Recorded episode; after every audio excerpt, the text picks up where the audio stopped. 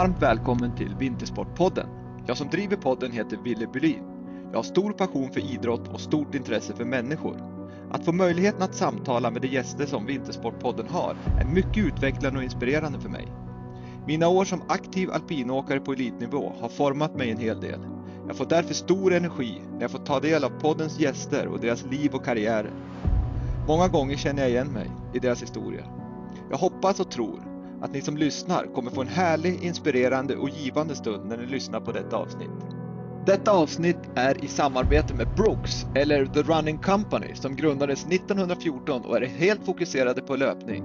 Med sin slogan Run Happy har Brooks som mål att inspirera alla att springa sin egen väg till ett bättre liv.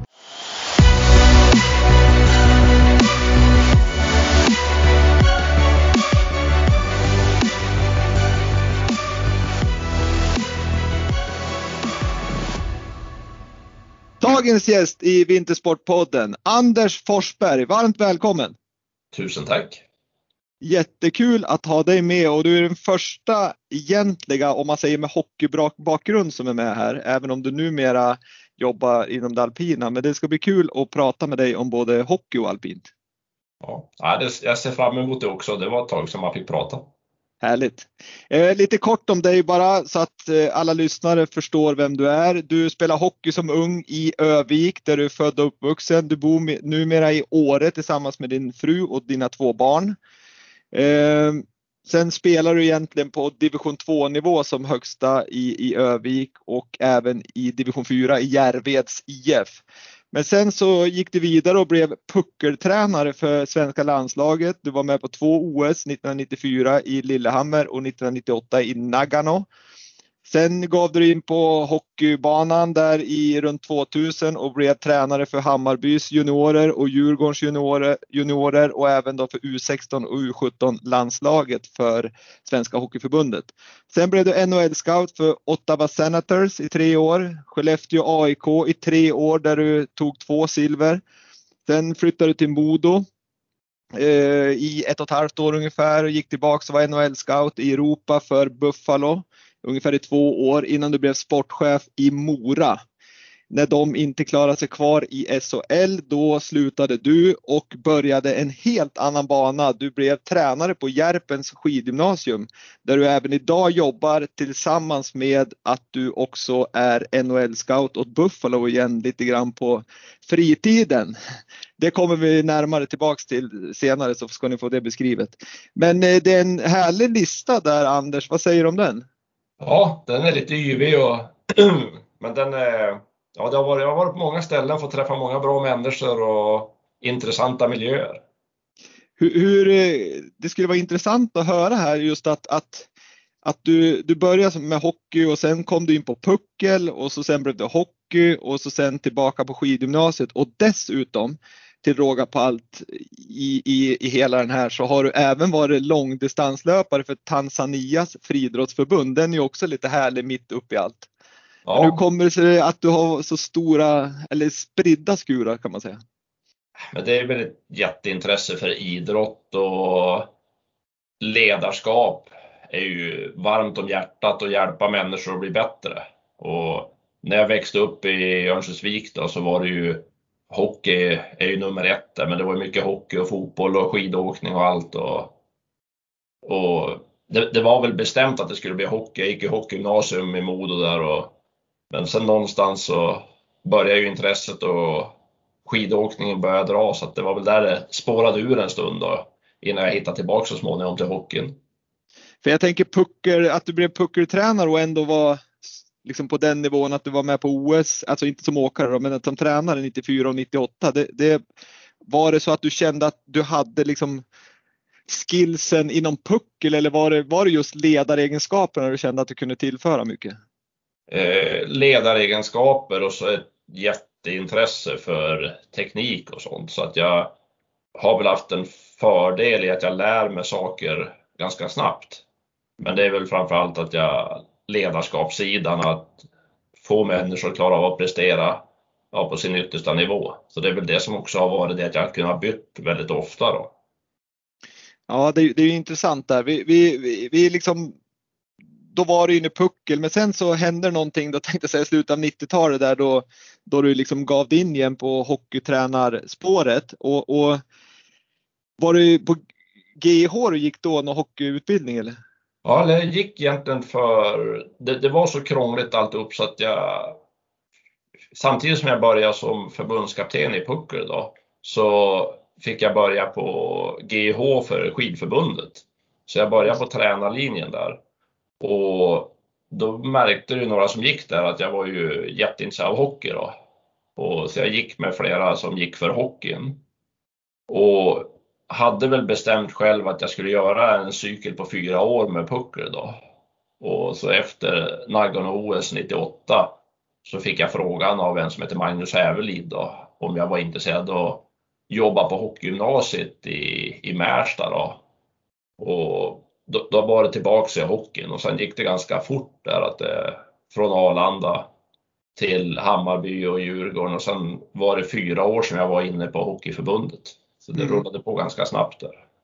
Ja, men det och roliga år förmodligen att få jobba med just juniorer inom stora föreningar som Hammarby, Djurgården och så sen naturligtvis Hockeyförbundet. Men hur, hur, hur var det att jobba liksom om du, om du tänker liksom att jobba med ungdomar då?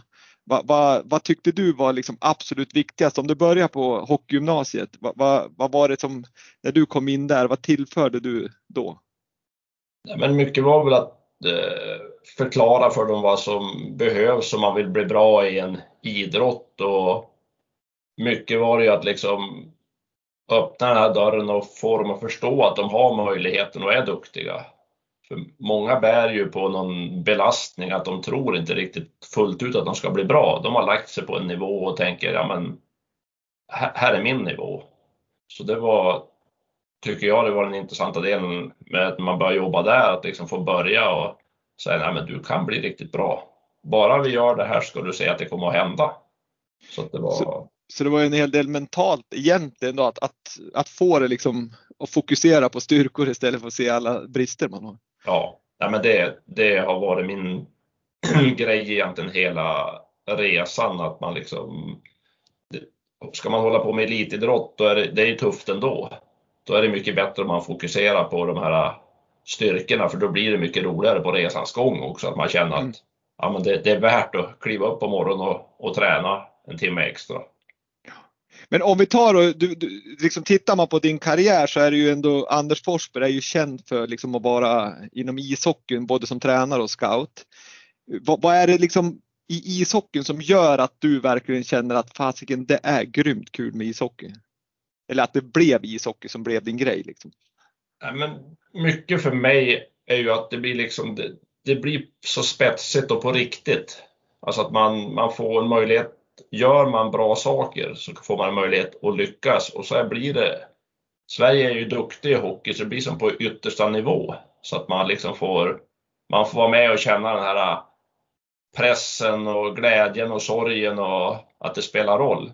Det är ju som senare där som vi kommer komma in på att står du i Skellefteå, det, du, du skojar inte bort en match. Du får ju veta om du vinner eller förlorar och både på insidan och utsidan och, och någonstans där tycker jag när tjusningen med idrott finns.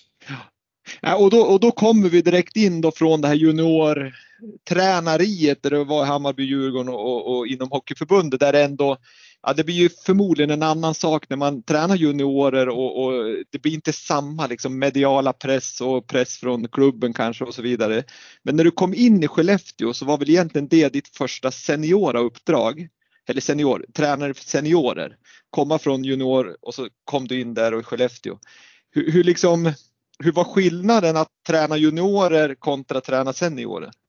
Uh, ja, den, den är ganska stor tycker jag. Men det, jag försökte inte göra så mycket skillnad. Jag försökte jobba med samma saker och liksom lyfta det man var bra på och ändra en kultur i Skellefteå till att man man liksom såg sig själv som vinnare och att man skulle liksom, det, det här ska vi klara av.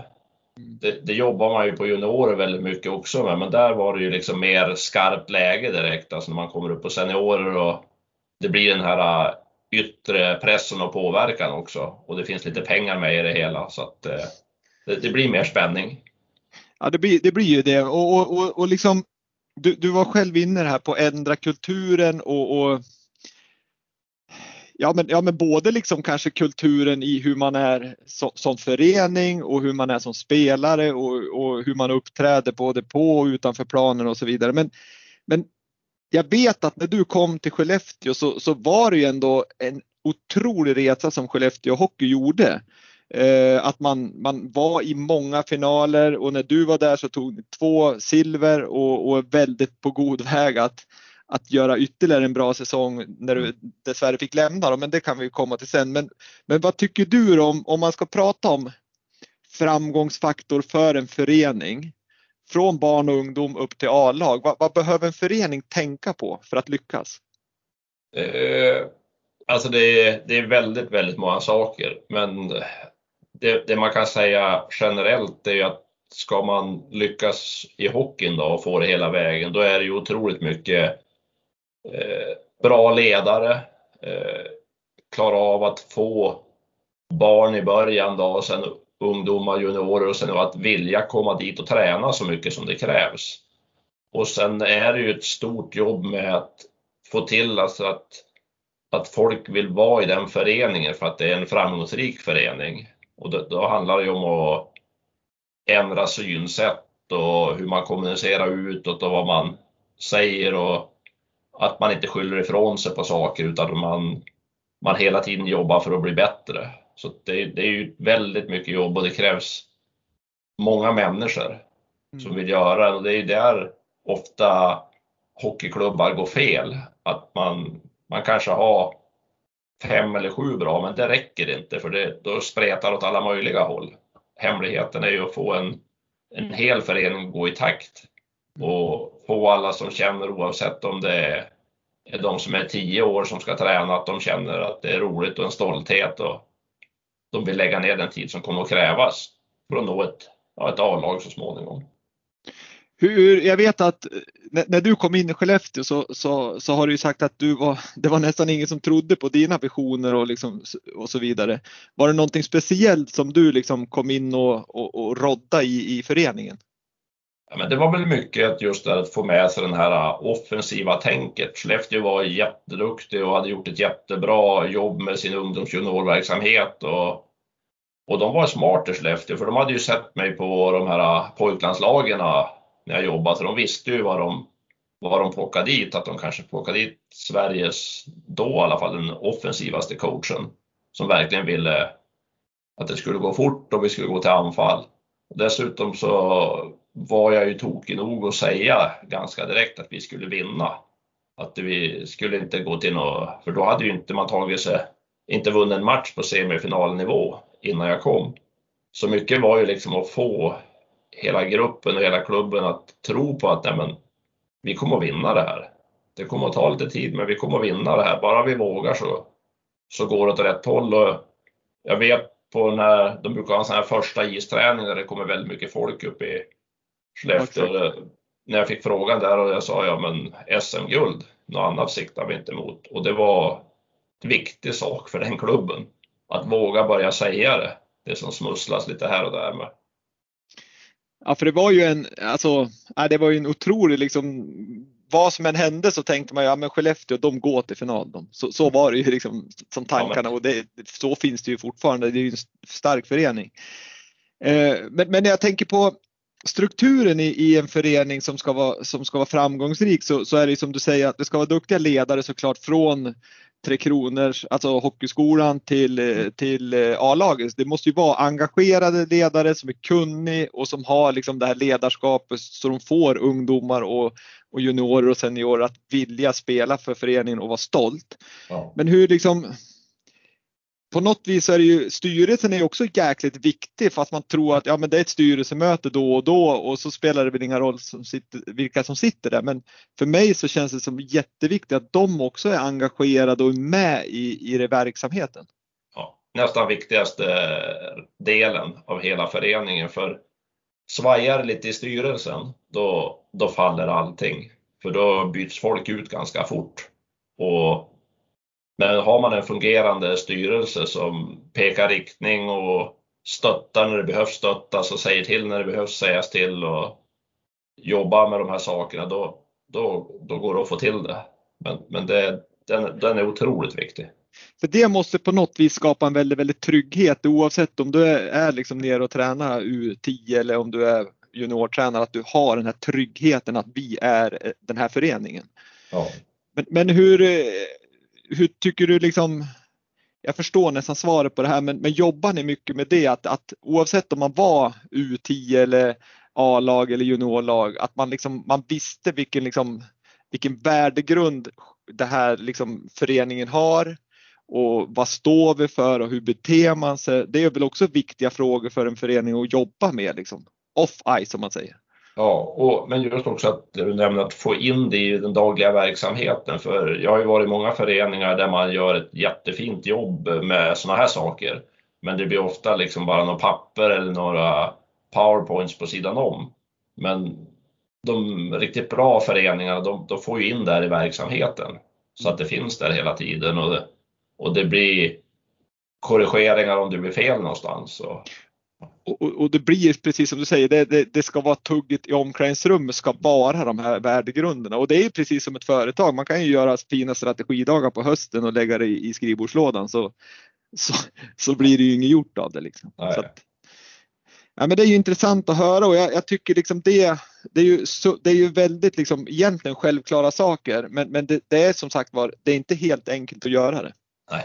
Det är det som är skillnaden, att, att, att kunna liksom utföra det. Men, men eh, eh, om vi, då är vi liksom inne på dig som tränare och, inom hockey och du berättar liksom här om, om, om föreningarna. Men livet som tränare Anders, det, det är ju också ganska hårt. Jag menar, det är ju alla som lyssnar på den här vet väl att, att i Skellefteå där så tog du två silver, du ledde tredje året, liksom jättebra resultat och ni, ni låg bra med och så i princip över natten så fick du gå. Mm. Hur, hur, liksom, hur tar man det som, som individ? Liksom? Ja, men det, det är ju tufft och samtidigt så när man är på den nivån så vet man ju om det. Att det liksom, sen det som är tufft ibland och jobbigt som person, det är när du inte, när du inte håller med. Ibland kan du tycka att nej, men det, det var ett bra val av dem att de tog bort mig eller någon annan eller vem det nu är. Men eh, det, det, det, där lär man sig leva med och skulle man vara orolig för de där sakerna då, då ska man inte ha det jobbet för då, då går man sönder helt som människa. Utan man blir, man blir ganska van och det bara rinner av en. Och är det så liksom att man, man måste som klara av liksom och bara, du, du, kan inte gå och fundera och, där, och jäklar, där kommer ordförande och sportchefen, undrar om de ska ta in mig på rummet Du måste som bort med ja. det på något vis. Ja, du blir tokig annars. Annars skulle du oroa dig för saker, då, då, då, funkar ingenting. Utan du blir väldigt så här äh, krass att du vet att ja, men vi, vi måste vinna, vi måste göra det här, det här måste funka. Och funkar inte så och, och, det kan vara allt från att man tappar publik på läktaren så att inte budget går ihop till, ja eller som i Skellefteå när jag skrev på för en annan klubb och jag tyckte det var jäkligt jobbigt att när jag berättar att jag hade gjort det. Och jag förstår dem att de varit jättebesvikna på mig. Det, den, den köper jag. Men samtidigt så kändes det så dumt att gå omkring och ljuga också. När man vet att man ska spela för eller jobba för en annan klubb nästa år. Ja, för jag tänker liksom precis som du säger att det är en del av spelet att man kan få sparken då man säger. Mm. Men lika väl måste det vara en del av en föreningsspel att jag menar man kan ju inte heller vänta om man går till final på SM och så är det klart i, i maj. Jag menar då kan ju alla liksom möjligheter vara, vara gjord inför kommande säsong liksom. så att det måste ju också de vara medvetna om. Ja, men det är en jättekonstig värld det där och jag vet ju om när det har hänt att när det har spelats om att stanna kvar i SHL och coachen i ena laget ska vara i det andra laget nästa år. Att det är klart redan. Ja. Och, han, och ett av lagen ska åka ut. Och jag har varit med när jag har spelare som ska till den andra klubben som man möter i de här viktiga matcherna och man vet om det när man står där att ja, men han, ska ju, han har ett tvåårskontrakt med dem vi möter i avgörande matcher. Hur hanterar man det då? Nej, man, man får ju lita på att alla är professionella, men det är ju jobbigt emellanåt och det, det är svårt, framförallt om den personen inte gör ett bra jobb. just då. Då är det väldigt jobbigt. Och det kan ju bero på att den inte har en bra dag. Det, så det, det är svårt att hantera men det, då är det ju bättre när man kommer upp på NHL-nivå för där finns ju regler för sådana saker. Ja, ja. Och det, det måste ju vara bättre egentligen att ja. då och då är, gäller det liksom, och, och det ja. måste vara bättre. Men jag tänker på återigen till tränarlivet då.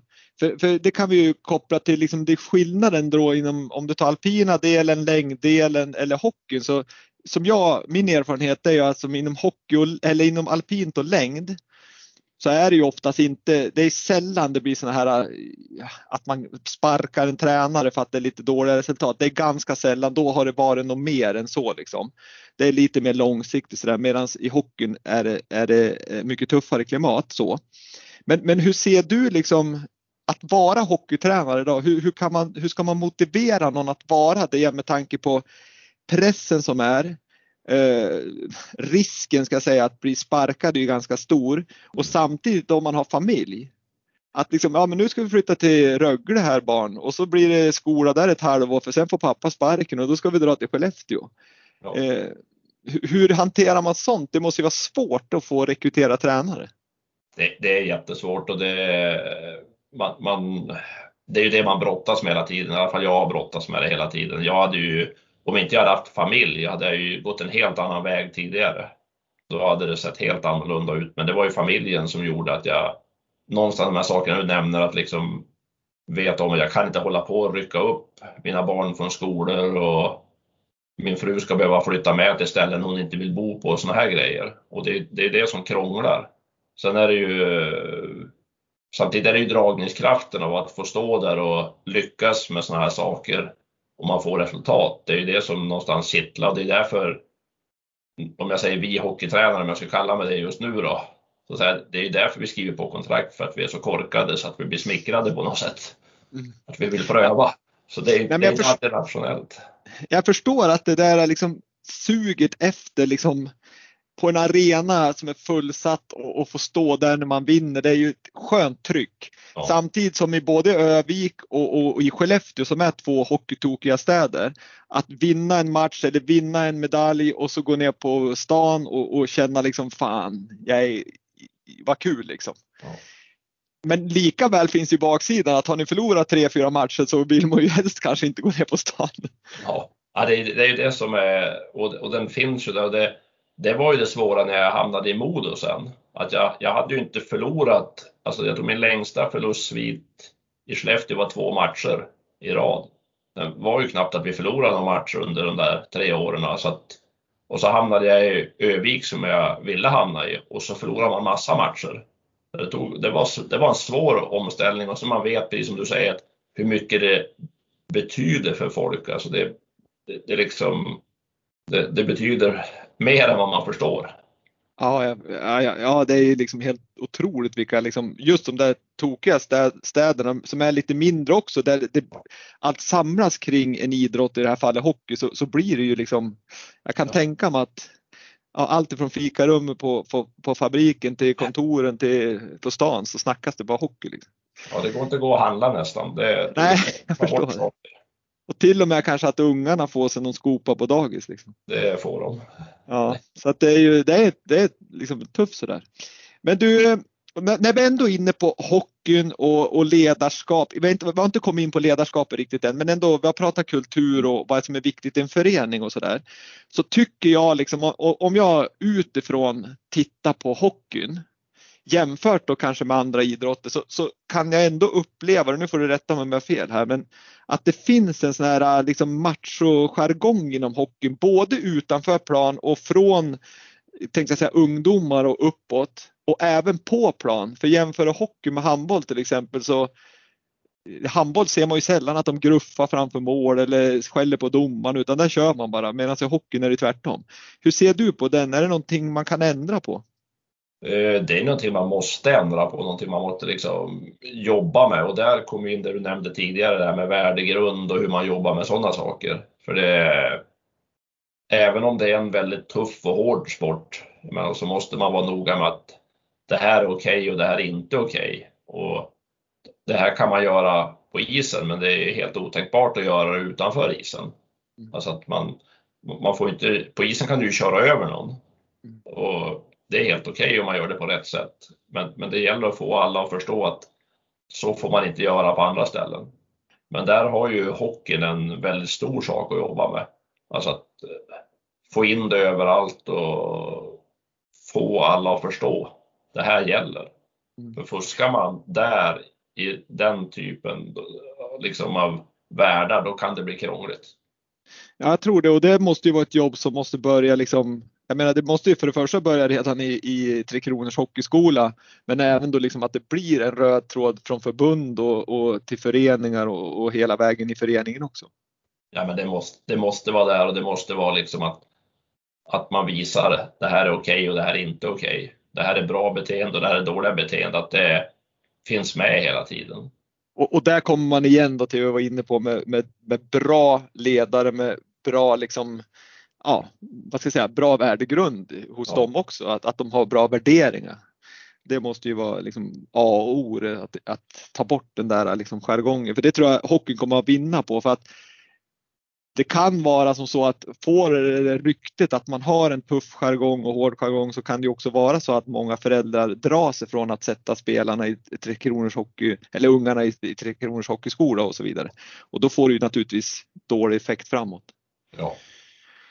Ja, men intressanta diskussioner här Anders om både tränarlivet som, som vi vet är ganska påfrestande och, och, och lite grann kring föreningar. Men om vi går in på din liksom, andra del inom hockeyn då så har du varit NHL-scout och är NHL-scout på sidan om ditt tränaryrke inom alpint nu då. Men om vi börjar, om vi tar en NHL-scout. Jag tror många ju förstår ju att NHL Scout har alla NHL-klubbar och, och, så vidare. Men vad, kan du beskriva på något kortfattat vis, vad gör en NHL Scout? Vilket uppdrag har man?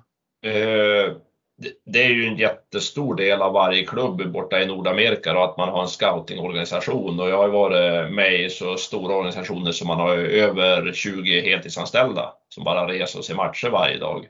Per och, klubb? Ja, så att det är gigantiska apparater. Bara den sidan är ju större än en SHL-klubb ofta. Så att det är en enorma apparater. För det, i Nordamerika funkar det ju, och NHL då, funkar det som, man får välja i ett draftsystem det år de fyller 18 år, spelarna då, om jag ska förenkla det.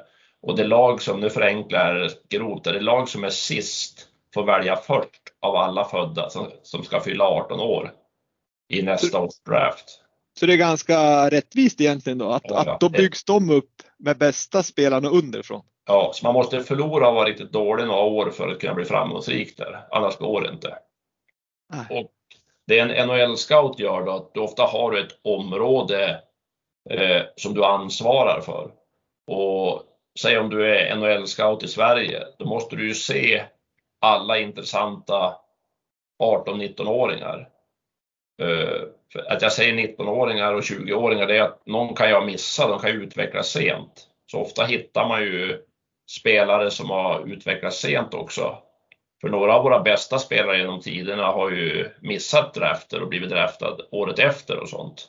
Och det är intressant med dialogen, eller debatten som kanske är nu med, med tidig specialisering. Mm. Så det är jättebra att du säger det, att, att man kan ju faktiskt utvecklas senare. Ja, ja. Det, några av de bästa i världen genom tiderna har missat sina drafter. Så, de, mm. så det finns. Men det, det, man gör då är att man, man ser ju då svenska juniorligor, både en som heter U18-ligan och U20-ligan plus allsvenskan i hockey och SHL. Så att man reser ju så gott som varje dag och tittar på hockeymatcher. Och sen jobbar man igenom efter ett system. Det är ju väldigt noga där hur man, vad man tittar på och hur man rankar det så att de ska förstå då, cheferna vad man menar. Och man skickar in rapporter på varje match och spelare som man tittar på. Och de så då dokumenterar du efter ett schema om ja. hur de är att tacklas för skridskor och åka framåt ja. och bakåt? Och... Mod och ja, allt vad det kan vara. Och sen skickar du in det och så går inte det att ändra på. Men du kommer ju se den här spelaren många gånger. Så bygger du profiler och sen är det intervjuer och du plockar in information då runt om. Och så vid jul då gör man, träffas man någonstans och så gör man ordning en lista vad man tycker varje klubb. Då. Den här tycker vi är bästa 18-åringen i världen och så går den neråt då till säg 200. och så ut och titta igen och så jobbar man igenom och så i maj sätter man ihop alla länder, då, Ryssland, Sverige, Frankrike, Nordamerika eh, och gör en, en lista tillsammans. Det är ett jättejobb att jämföra någon som spelar i Michigan mot någon som spelar i Kalpa i Finland. Mm. Men att du får dem på rätt plats. Och sen hoppas du på väldigt mycket tur. Att inget annat lag ska ty ha, tycka samma. Och sen sitter, sit man sitter ni tillsammans och gör det här menar du? Alltså, eller är det klubben som sitter? Alltså de här 20 Nej. stycken? Ja, då sitter du tillsammans. Ja. Du har ju några som styr det hela, men då sitter du och så får du prata för dina spelare och så jobbar man. Det tar en vecka ungefär att få till den här listan. Och sen på midsommarafton och midsommardagen går ju drafterna borta i Nordamerika för hockeyn då. Och då sitter man där och är nervös och man hoppas vilka man vill ha. Men ofta är det ju så att man inte riktigt får dem man vill ha för det är någon annan klubb som kanske väljer för eller vågar ta dem tidigare och sånt. För du, du vill ju ta bra spelare så sent som möjligt. För det här är ju den enda tillgången från början en NHL-klubb har. I NHL går det ju som inte att köpa spelare, de kan ju som inte handla utan de har ju varje spelare de har rättigheterna till har ju ett värde som de kan ja, förädla, göra bättre, sälja, byta bort alltså.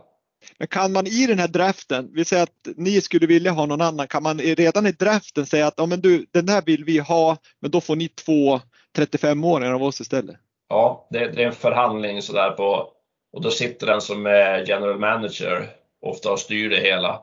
Och då får man ju ligga på där och säga, vi måste ta den här, ja, som den bästa jag har tagit, Erik Karlsson, en back som spelade. Ja. Då, då var vi tvungna att, det var min första draft och jag fick ju tjata mig till att vi skulle byta bort så vi kom högre upp. För jag hade en känsla av att han kommer inte vara kvar när vi ska välja.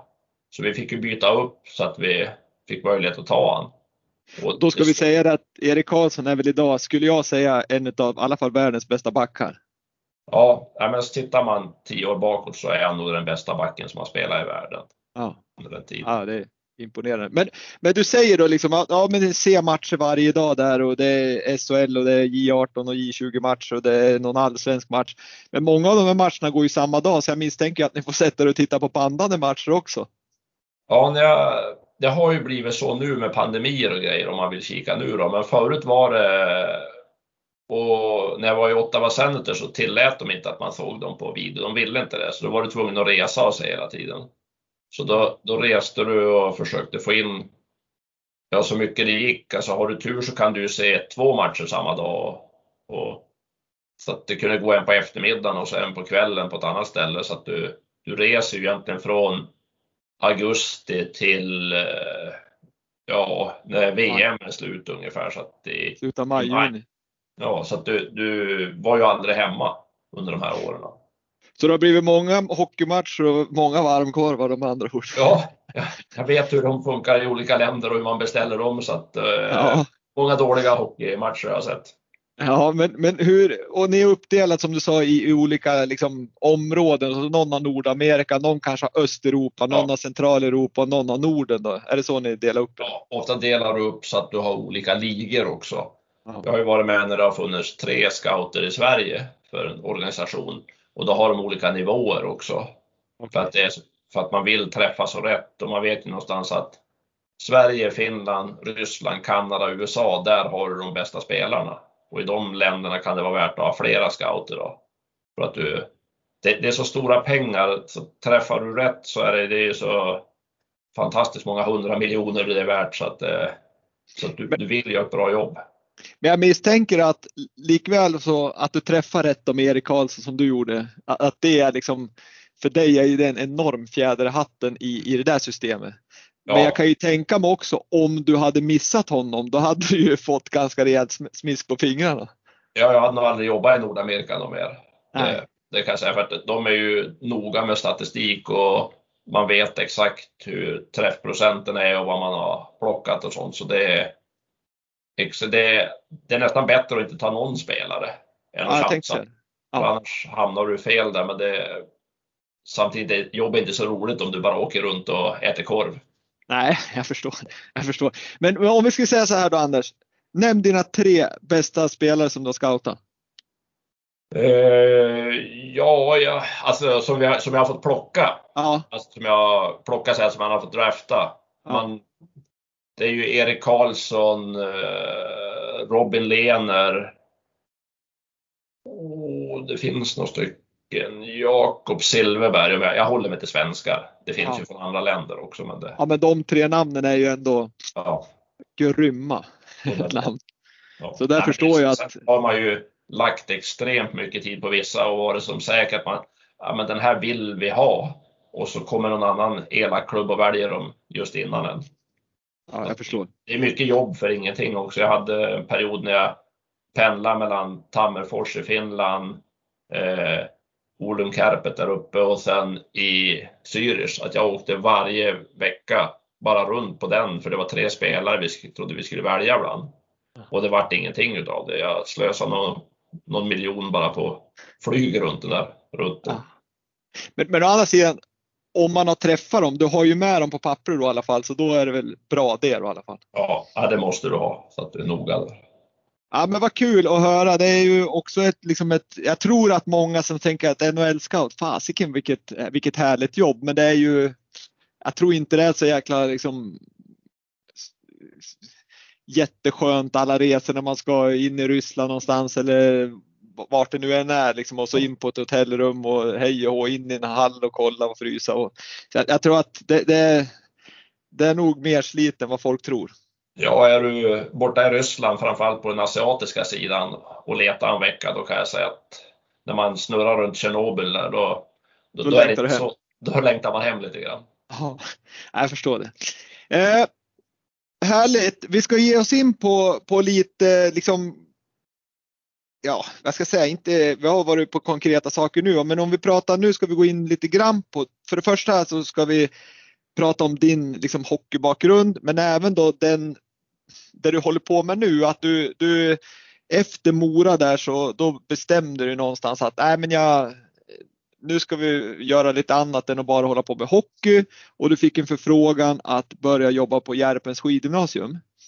Och numera är du ansvarig tränare på Järpens skidgymnasium och, och liksom håller i både trådarna kring hur ska vi träna och kontakt med skola och ja men liksom du är chefstränare kan man säga. Ja.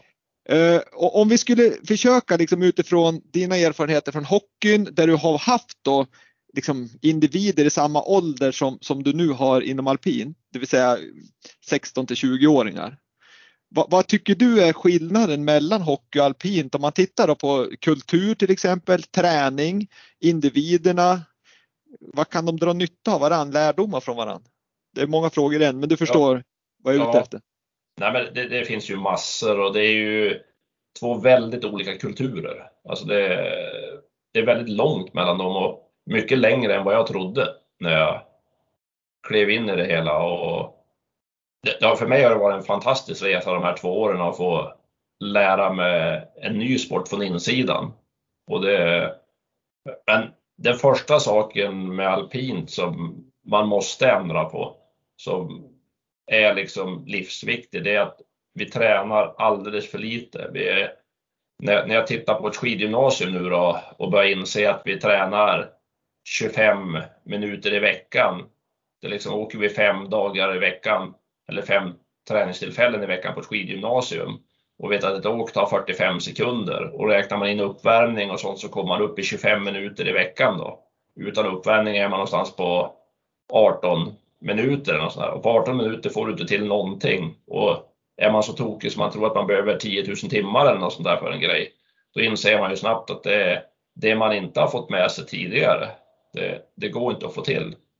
Och ska man då vara skadad och så, då, då är det helt hopplöst. Mm. Hur tänker du? Vi vet ju i alla fall att, att inom alpint och då gör du ditt åk och det tar, säg då mellan 45 sekunder och 1 och 10, en minut och 10 Mm. sekunder ish. Eh, och eh, det, det görs ju då x antal åk, ni som är i Åre eller vart man nu än är och tränar så, så, så blir det ett antal åk på ett pass. Men hur menar du då, då liksom att om man ska få till mer tid, det är alltså fler åk då man ska göra eller ska man lägga om träningen helt, alltså hur man tränar liksom upplägget? Jag tror man måste göra båda. Först måste man börja tidigt att göra det här att det är roligt att åka skidor och få till mycket mängd på unga, alltså genom puberteten och att de, att de åker mycket skidor. Mm. För någonstans när jag, jag gillar ju statistik, för det är det jag jobbar med när jag jobbar som scout. Mm. Att jag mm. tittar på det och säger, ja men det här går inte. Med den här låga träningsmängden i sin idrott, då, ska det mycket till för att det blir en världsstjärna. Alltså då, då ska det vara en super, super talang. Mm. Och, så jag menar att vi måste få till mycket mer träning, alltså lek, åka skidor, vara ute på snö. Och då och, behöver det egentligen inte vara blåd och röd käpp liksom, utan det är åka skidor liksom som är ja, och, tidigare. Ja, det kan vara puckel, det kan vara skidvaneövningar eller bara åka fritt. Och, eller skogen eller vad som ja, helst. och inte åka korglift eller gondoler och såna grejer utan vi behöver vara i en släplift där man får många åk. Mm. För har de inte fått med sig det här och kommer in i systemen på FIS-nivå med skidgymnasium, då, då, finns det för lite tid, alltså rent träningsmässigt. Alltså det, då måste vi göra om skidgymnasierna helt, vilket vi kanske måste göra om vi har tänkt att vi ska slå Schweiz eller Norge eller vad det nu är. Eh, men med det här systemet som vi har, då kommer det inte gå fram, få fram late bloomers, det kommer bli krångligt att göra någon så mycket bättre. Så att, eh, där är en jätteskillnad mot hockeyn. Då räknar vi ut att ja, men man måste ha 20 minuter aktiv träning på en timme. Hur gör vi om hela träningsupplägget? Vi, var nere på 12 minuter när jag jobbade på Hockeyförbundet. Och då drev man ju igenom att man ändrar det här så att man kommer upp i 20 minuter per tränad timme. Då. Och där måste man ju titta över att göra andra typer av träningar, att man tränar sektioner och man tränar andra grejer. Så att det kan vara att åka åtta käppar över ett krön eller ja, jag vet inte, massa varianter. Nej, för jag vet inom hockeyn pratar man ju mycket om att, att få så kort kötid som möjligt, speciellt när man pratar om unga och det är precis som du säger att dela upp det i sektioner, ha fyra stationer och så, så att vi inte behöver stå i kö. Och, och jag förstår vad du menar inom alpint att att man kanske kan istället för att åka fullängdsbana jämt på 1.10 så kan man ju ha olika sektioner som du säger och träna olika krön eller bara eh, kombinationer eller vad ja, det nu är. För, för att få upp tiden och sen kan man verkligen träna för det är också min upplevelse att, att alpint är ju lite som om vi skulle spela match i 60 minuter varje träning i hockey. Vi mm. sätter en bana och sen åker vi tävlingsvarianten hela tiden. Mm. Men så tränar man ju inte speciellt många sporter, utan man tränar ju på detaljnivå, att man vet att ja, men vi ska göra en spelvändning, den ska se ut så här, eller vi måste lära dem att åka inner och ytterskär eller vad det nu kan vara. Men i alpint blir det ju, oavsett om jag står i år SLK U14 eller U12, så, så ramlar in en kultur där man gör som man alltid har gjort.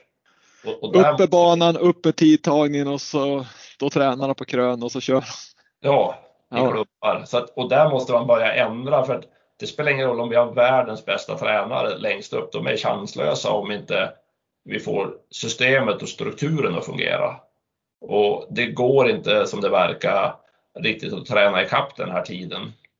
Utan man måste få alla att förstå att vi måste få, framförallt när kulturen är mer mot stillasittande nu i, liksom det, i samhället, så måste vi ta vårt ansvar som klubbar att göra så roligt så folk vill åka mycket skidor och, och, och vara där. För då kan vi börja få en stegring. Men om du tänker systemen och strukturen då, i, om man tänker redan från en förening då, hur, hur, hur, hur, tycker du en förening borde tänka när de, när de ska förbereda, alltså man får in dem, vi säger sju eller tio år eller vad det är, och så har de ju några år där. Och om, om du skulle liksom få säga att en klubb och en förening, så här borde liksom det se ut för att få så många som möjligt att hålla på och få dem förberedda in på ett skidgymnasium? Nej, men bara att få igång det, bara att, att man har så bra ledare och så bra verksamhet så att de tycker att det är roligt att komma på träningen. Att de inte blir förknippad med sitt resultat i U12 så att man känner att man är, man är dålig för att man är nia i slalomen i Gustavsbergsbacken. Att man får liksom förstå att det här är en, en lång och rolig resa framåt. För där tycker jag mycket på som i hockeyn, vi skulle, när jag är scout då, vi bryr oss inte om de som är 16 år, de är ju helt ointressanta för vi kan inte lista ut om de ska bli bra eller dåliga. Men i alpint är kulturen att vi redan vid 12 års ålder börjar nästan sätta epitet på att de, de ska lyckas och de får en massa press och grejer. Så det är så mycket sådana grejer vi måste ändra och det finns säkert föreningar som funkar perfekt alltså, men, men här måste vi få till det. Ja, jag känner igen det och det, det, då kommer vi ändå Föreningen är en sak men sen måste ju ändå liksom hela strukturen från förbundssidan ändras också då, så att man inte har den liksom att fan om du inte är jättebra när du är 15 då är du klippt liksom. Så att ja. eh, hitta någon annat, liksom något system där som, som gör att det finns möjligheter att utvecklas upp i åren och, och hitta kanske strukturen och röda tråden från klubbar och skidgymnasium och sen landslag. Ja, så att man vågar förstå att de ska vara bra här borta någonstans. Och ja. Det är som, vi tar in sju stycken varje år till Järpens skidgymnasium. Och, och chansen att vi ska träffa rätt på sju stycken, säg att nu finns det ju andra bra gymnasium som tur är, så att de hamnar ju där då. Men chansen att vi ska träffa rätt på sju stycken som ska börja ettan på gymnasiet, den är ju minimal. På, mm. på, den är ju som, den är så liten så att lyckas vi träffa en så är det ju bra. Träffar vi tre så är det fantastiskt. Jag har en, faktiskt en, en, vi kan ta den när vi ändå är inne på det, för jag har en lyssnarfråga här från en, från en gammal, eller en gammal, en, en duktig tränare som, som har varit med länge inom, inom det här gebitet. Eh, och han sa just det där att han frågar just hur, hur du har ju stor erfarenhet av, av att scouta talanger inom hockey.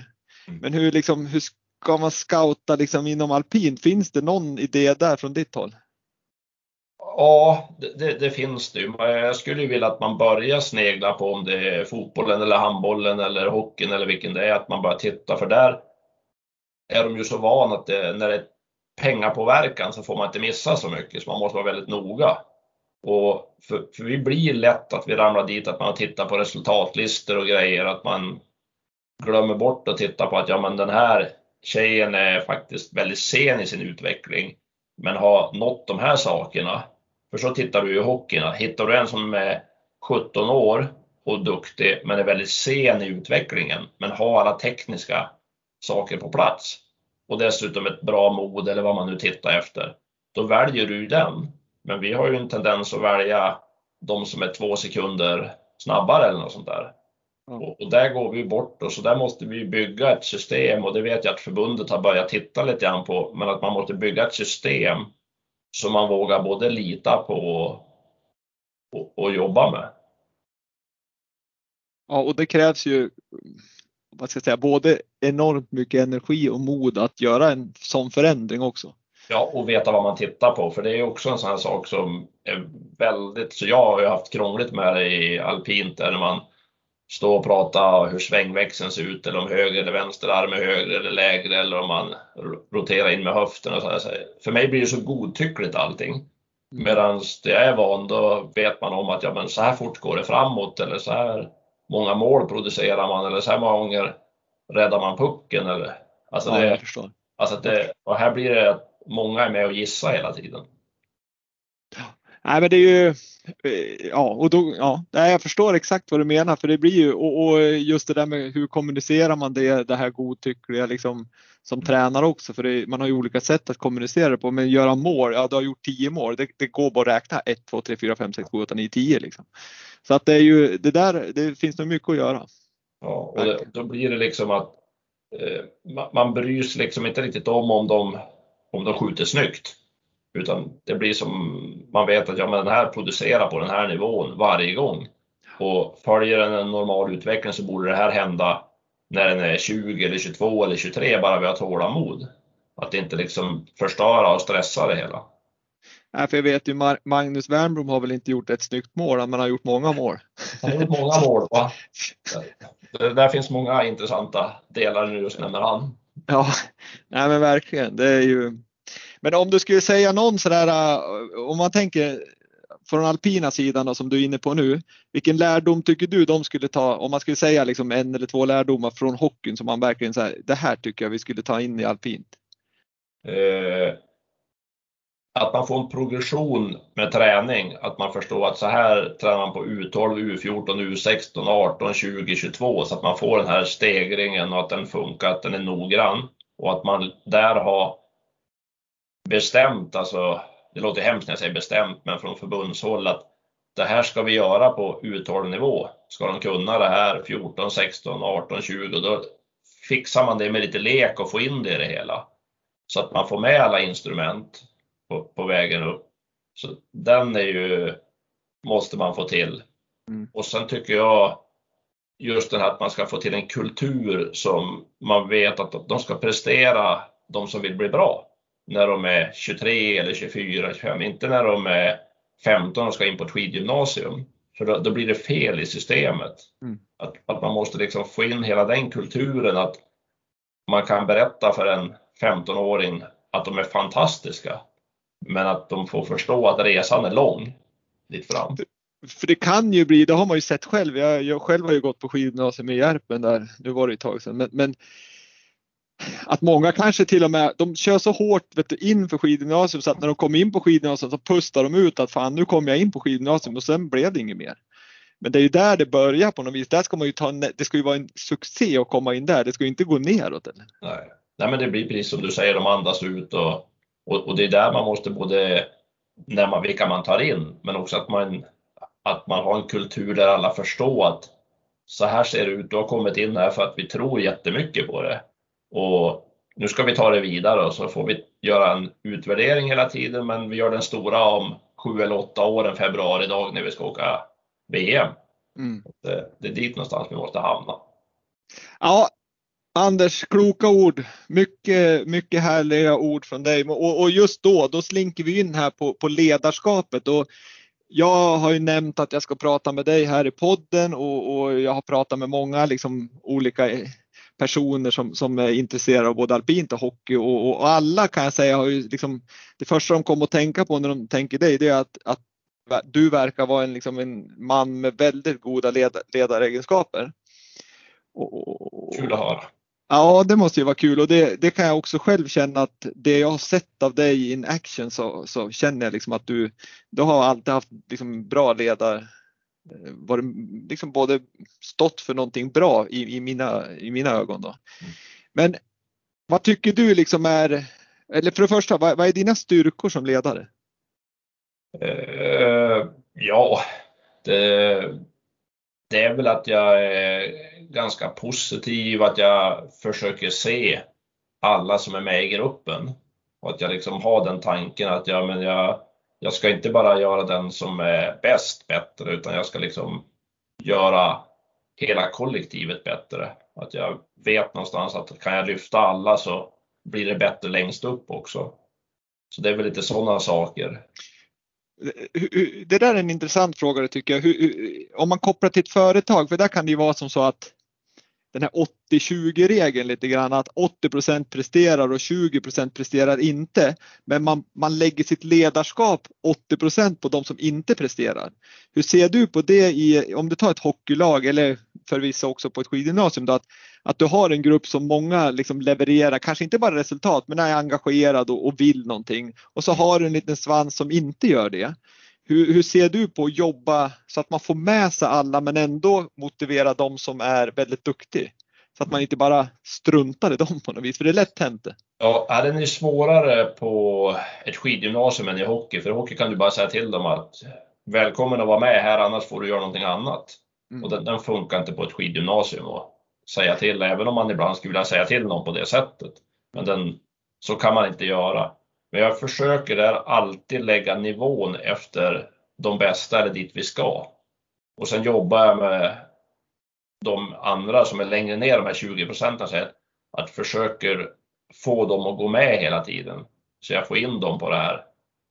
Och det som är svårt där med, om man säger på ett skidgymnasium, när det gäller ledarskapsmässigt, det är att de ska förstå att de ska vara bra när de är, som jag nämnt tidigare, 22-23 år. De vill ju vara lika bra nu. Och är de inte lika bra nu, då tycker de att de är jättedåliga. Och där blir ju alpin skidåkning och säkert även längd och skikross och puckel också, de blir ju tuffa sporter för man blir ju utlämnad där lite grann. Men kan man få dem ledarskapsmässigt att få dem att förstå att ja, men här finns möjligheten och följer jag med i den här träningen och gör det här och då kommer det att bli bra när jag är 23. Våga tro på planen lite grann. Ja, och inte ändra planen för det. Jag, jag, jag, har inte så stor erfarenhet av alpint, men vi ändrar ju planer hela tiden. Så som är du i hockey, då vet du ju vilken match du har i februari på torsdag 2024. Alltså du, mm. två år före ligger all planering. Mm. Men här så händer tävlingar bara flyttas och det far och när man ska träna en sak då, då är alla på väg till något annat ställe. Mm. Och där ska vi också både planeringsmässigt men också ledarskapsmässigt vara tillräckligt duktiga så vi kan förklara dem att nej men, vi måste träna det här. Det, det är nu vi ska träna det. Ja, härligt. Men om du tänker då om, om, man, om man pratar just ledarskap eh, och så har vi en lagsport, hockey, och så har vi en individuell idrott, alpint. Hur, hur ser du på skillnaden mellan liksom att utveckla individen? Liksom, hur jobbar man? Ser du stora skillnader mellan de här olika idrotterna, hur man jobbar individuellt? I, hockey, i alpint förstår jag att du jobbar individuellt för det är en individuell idrott. I hockey då, är det på samma sätt där eller kör man bara backarna dit, forwards dit eller går man in och säger Kalle du har ju problem med det här så där jobbar vi utveckling på det här viset? Det är egentligen samma sak, men där är det en jättestor kulturell skillnad att du är mycket rakare i hockeyn. Om du ska jobba med Kalle och han är jättebra på att skjuta direktskott och du ska förbättra det, då är du där direkt och säger vad det är. Medan i alpin tycker, upplever jag, då lullar man in det lite grann i andra saker, man är försiktigare. Mm. Och, och, ja, det är en kultur. Ja, det är en kultur och ledarskapet blir att man, man vill inte liksom man gör ju en gentjänst för man säger ju inte sanningar på samma sätt. Eh, så där är, där är en skillnad. Så den är liksom där tror jag man kan få till åt båda hållen. Hockeyn kanske ska bli lite snällare ibland på de här sakerna, men det är väldigt enkelt om man är ärlig hela tiden. Mm. mm. Och, men sen jobbar du med samma detaljer, men kanske att du håller på längre i hockeyn. Alltså du, du får ju sånt kvitto hela tiden att kan du inte svänga till höger i hockey, då kommer du att bli överkörd. Medan här kan du liksom låta det gå lite grann. Mm. Det, det, låter hemskt men så känner jag. Nej, men jag förstår vad du menar. Men, men det är på samma, om man tänker liksom frågan där så är det ju inom hockeyn och inom lagidrotter då, som du känner till då, så, så jobbar ni även där med individuell coaching för ja. att utveckla individen precis som man gör på individuell idrott. Ja, nej men det är exakt samma sak för du, du vet att den här personen i hockey måste bli så bra på det här momentet för att vårt spel ska fungera. Mm. Så, så där är det. Men, men där är du och det, det, var vi inne tidigare på, där bryter man ju ner och tränar mycket mer på de detaljerna. Mm. Att det kan det ju vara att backarna, vänsterbackarna tränar där och de som är offensiva högerbackar får träna på en annan sak. Och, och, och det ska vi väl försöka gå mot på alpint också tycker jag. Sen är det inte jag som ska bestämma på alpint, men jag, jag har väl den åsikten. Nej, men liksom, det blir också en annan, precis, för där är det inte, passar inte alla att köra den här som vi pratade om tidigare. Nu är det en och tio bana på tid. Ja, men mm. Stina här, hon kanske behöver träna på krön och Kalle behöver träna på hopp eller vad det nu kan tänkas vara. Och, det, och det, där, där är det ju liksom en ledarskapsdel, att man delar upp det på ett annat sätt också. För den upplever jag på Järpen i alla fall, att det det är väldigt känsligt att dela in folk vad mm. de ska göra. Men det är ju en sak som vi ledare måste bli bättre på att kunna säga, precis det du säger Kalle, du måste träna det här medan du Lisa, du kan träna det här. Mm. Där blir det nästan följdfrågan, varför ska inte jag träna det? Blir det. Ja, och, och det är liksom det handlar ju om att de måste lita på ledaren som, som för att göra den här utvecklingen för annars blir det, liksom ing, det blir bara någon mellanmjölk till slut om man inte liksom kan ta den individuella feedbacken. Ja, sen har jag en jätteintressant sak tycker jag själv som reflektion ledarskapsmässigt också. Eh, på alpint har ju alla tillgång till åkarna. Alltså det, en åkare som kommer ner kan ju få råd av sin pappa, sin bror, någon annans bror, någon mamma, kompisar i liften, tre tränare till någon som ringer och... Ja, ringer och eller har åsikter med video eller alltså den är helt otänkbar i den andra världen. Där har du ju liksom alltså det, det är ju totalförbudet. De får inte ens vara nära. Alltså på, på det sättet. Och det finns väl en charm att alla är med hela tiden också, men det, det, gör det väldigt svårt för tränarna, tycker jag. Jag har ju träffat på massa duktiga alpintränare nu och för mig känns det som en omöjlighet. För det är ju fem stycken till som ger råd hela tiden. Mm. Nej, men det där känner jag också igen och det är ju en skillnad att vara med för det är ju kul med engagerade föräldrar och morföräldrar och hej och hå liksom. Men, men det, det är ju en skillnad att vara med än att lägga sig i eller vad man ska säga. För det, det blir, måste ju bli väldigt, väldigt förvirrande för en åkare att få fem tips efter ett åk. Ja, och fem olika träningsprogram för fysen och det ska göras si och så och massa grejer. Så att, eh, så, men, men du Anders, Eh, ledarskapsmässigt och så har ju du beskrivit en, liksom en ganska liksom, ja men du, du är en, i min värld, bra ledare, det är värdegrund, du, du, jobbar med individerna, du får dem att tro på sig själv och så vidare. Jag tänker när du är inne på i de här NHL-klubbarna i Ottawa och Buffalo så känns det som att de har en liten annan ledarskapsfilosofi där alltså huvudtränaren där, han kommer ju knappt ner på isen han tänkte säga, eller in i omklädningsrummet. Då kommer han dit, då vet man att då är det kris någonstans. Ja, det är en helt annan och det, är en, det har ju varit intressant att få jobba med och vara inne i de här omklädningsrummen eller i styrelserummen. Och, för där är det ju verkligen en hierarki och det blir, när general manager kliver in då blir det knäpptyst. Ingen vågar säga någonting. För då, då är det lite panik i organisationen för då vet de att nu kommer det att hända någonting och då vet inte om det är bra eller dåligt. Så där är ju väldigt strukturerat och vad man får göra och inte göra och när man får räcka upp handen och vad man får säga och inte säga. Va, och, vad gillar du mest då liksom? Ja, jag gillar ju det, det svenska mycket mer. Alltså jag tycker, men jag vet ju att ska man kanske ha resultat på den nivån, då måste man nog ha lite av den strukturen. Så man vet vem som gör vad. Och man kan definiera vad som är bra och inte bra också. För... Är det svårt i, i Sverige? För man har ju jag vet inte om alla har, har, har börjat men, men eh, vissa SHL-klubbar har ju också börjat med general managers och liksom mm. den strukturen. Är, är, det, är det svårare i Sverige? För det finns ju inte den här kulturen riktigt att, att man får vara sådär liksom, ja men att man har en hierarki. Det är ju inte jättevanligt i Sverige. Eller?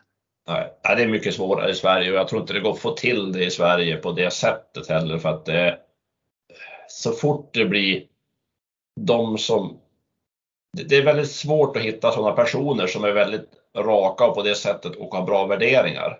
Ofta brukar det följa med dåliga värderingar med många sådana personer. Så att det är ju, det krånglar ju till det och de där dåliga värderingarna och det vill vi inte ha överhuvudtaget. Så att jag tror man ska jobba med den svenska modellen i, i de alla sporter och försöka vara rädd om den. Men, men sen är det ju häftigt att få vara på den där nivån när det, när det blir skarpt och det, man vet strukturen exakt vad som kommer att hända och när, när ägaren kommer in då, då, då andas man inte. ja, jag förstår, det är ju det är roligt att ha upplevt. Hörru du Anders, nu har det gått över en timme och, och, eh, jag tycker det har varit otroligt intressant att få just det här perspektivet från, från två sidor där du ändå är elittränare på, på, inom alpin på, på skidgymnasium i Järpen och du har definitivt varit på elit liksom, både inom Sverige och eh, globalt inom hockeyn. Och det tror jag, det är absolut den första som, som har det perspektivet och det har varit jätteroligt att få prata olikheter, likheter och skillnader i kultur och ledarskap och så vidare.